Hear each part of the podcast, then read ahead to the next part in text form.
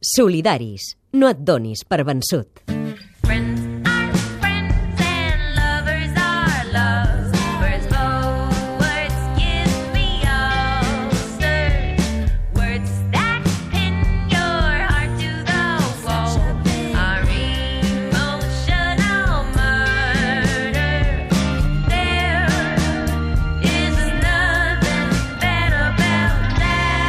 I a casa nostra, el debat és un altre, el de la pobresa, el de l'accés a la vivenda i a la feina, el de poder pagar el rebut de la llum, de l'aigua i del gas, el de l'escletxa social entre els més rics i els més pobres.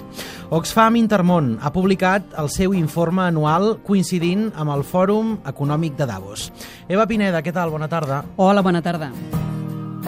Podria començar tot de nou, jurar-te que la lluna no es mou, promete't comprometen els vius, un moment tan etern, tu què dius? A Catalunya, la persona més rica acumula el mateix que 155.000 famílies catalanes. Què més diu aquest informe, Eva? Doncs diu, per exemple, que a Espanya en l'últim any han sorgit 7.000 nous milionaris a raó de 20 al dia i que la fortuna de les tres persones més riques de l'Estat, és a dir, Amancio Ortega i la seva filla, Inditex, i Juan Roig Mercadona, ha augmentat un 3%, mentre que el 30% dels ciutadans més pobres han perdut un terç de la seva riquesa. Aquests tres multimilionaris tenen la mateixa riquesa que 14 milions de persones, és a dir, com tots els catalans i els madrilenys junts. És a dir, que el creixement econòmic només beneficia els més rics. I quins són els motius, segons Oxfam Intermón? A veure, motius, ho resumiríem en tres. Un, que entre el 2008 i el 2014 els salaris més baixos van caure un 28%, mentre que els més alts només un 0,6%. Dos, que Espanya és un dels països europeus on el sistema fiscal garanteix menys la redistribució.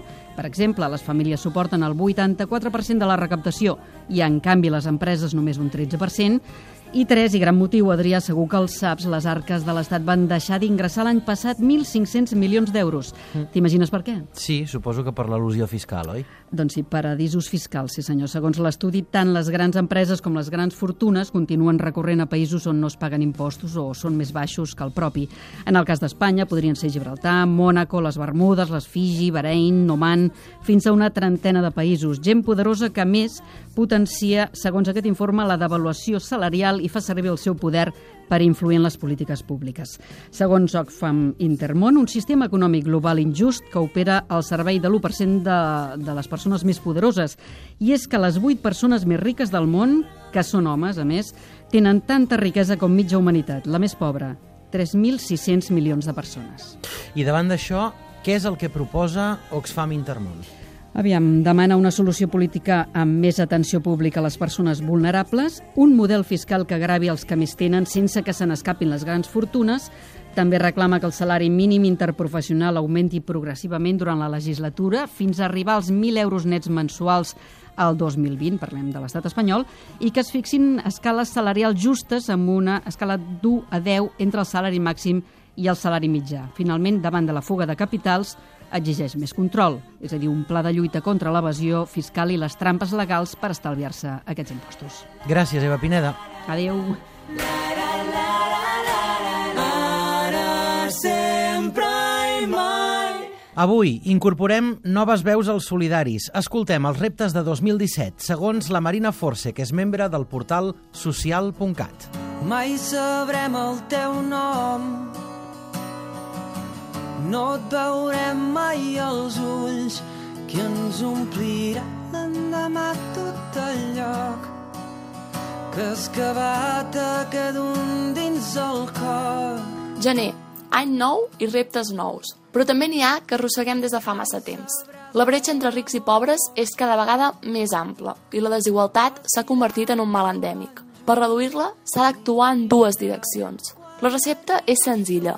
Cal que els que tenen més paguin més impostos. Alhora, però, ha de desaparèixer la desigualtat salarial dins les empreses i s'ha de lluitar contra l'evasió i l'elusió fiscal.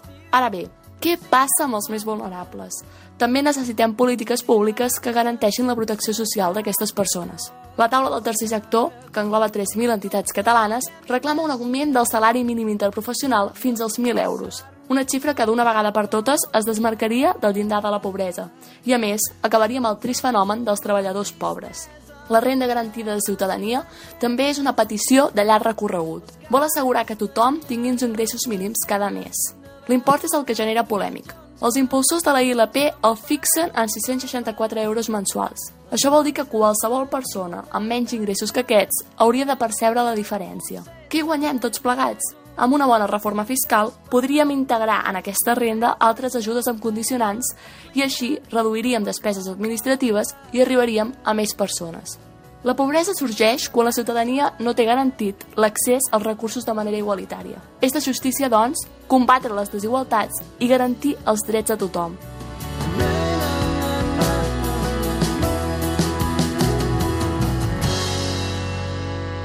Solidaris. Para-t'hi a pensar. A Facebook, a Twitter i a catradio.cat, Solidaris. Amb Adrià Bas.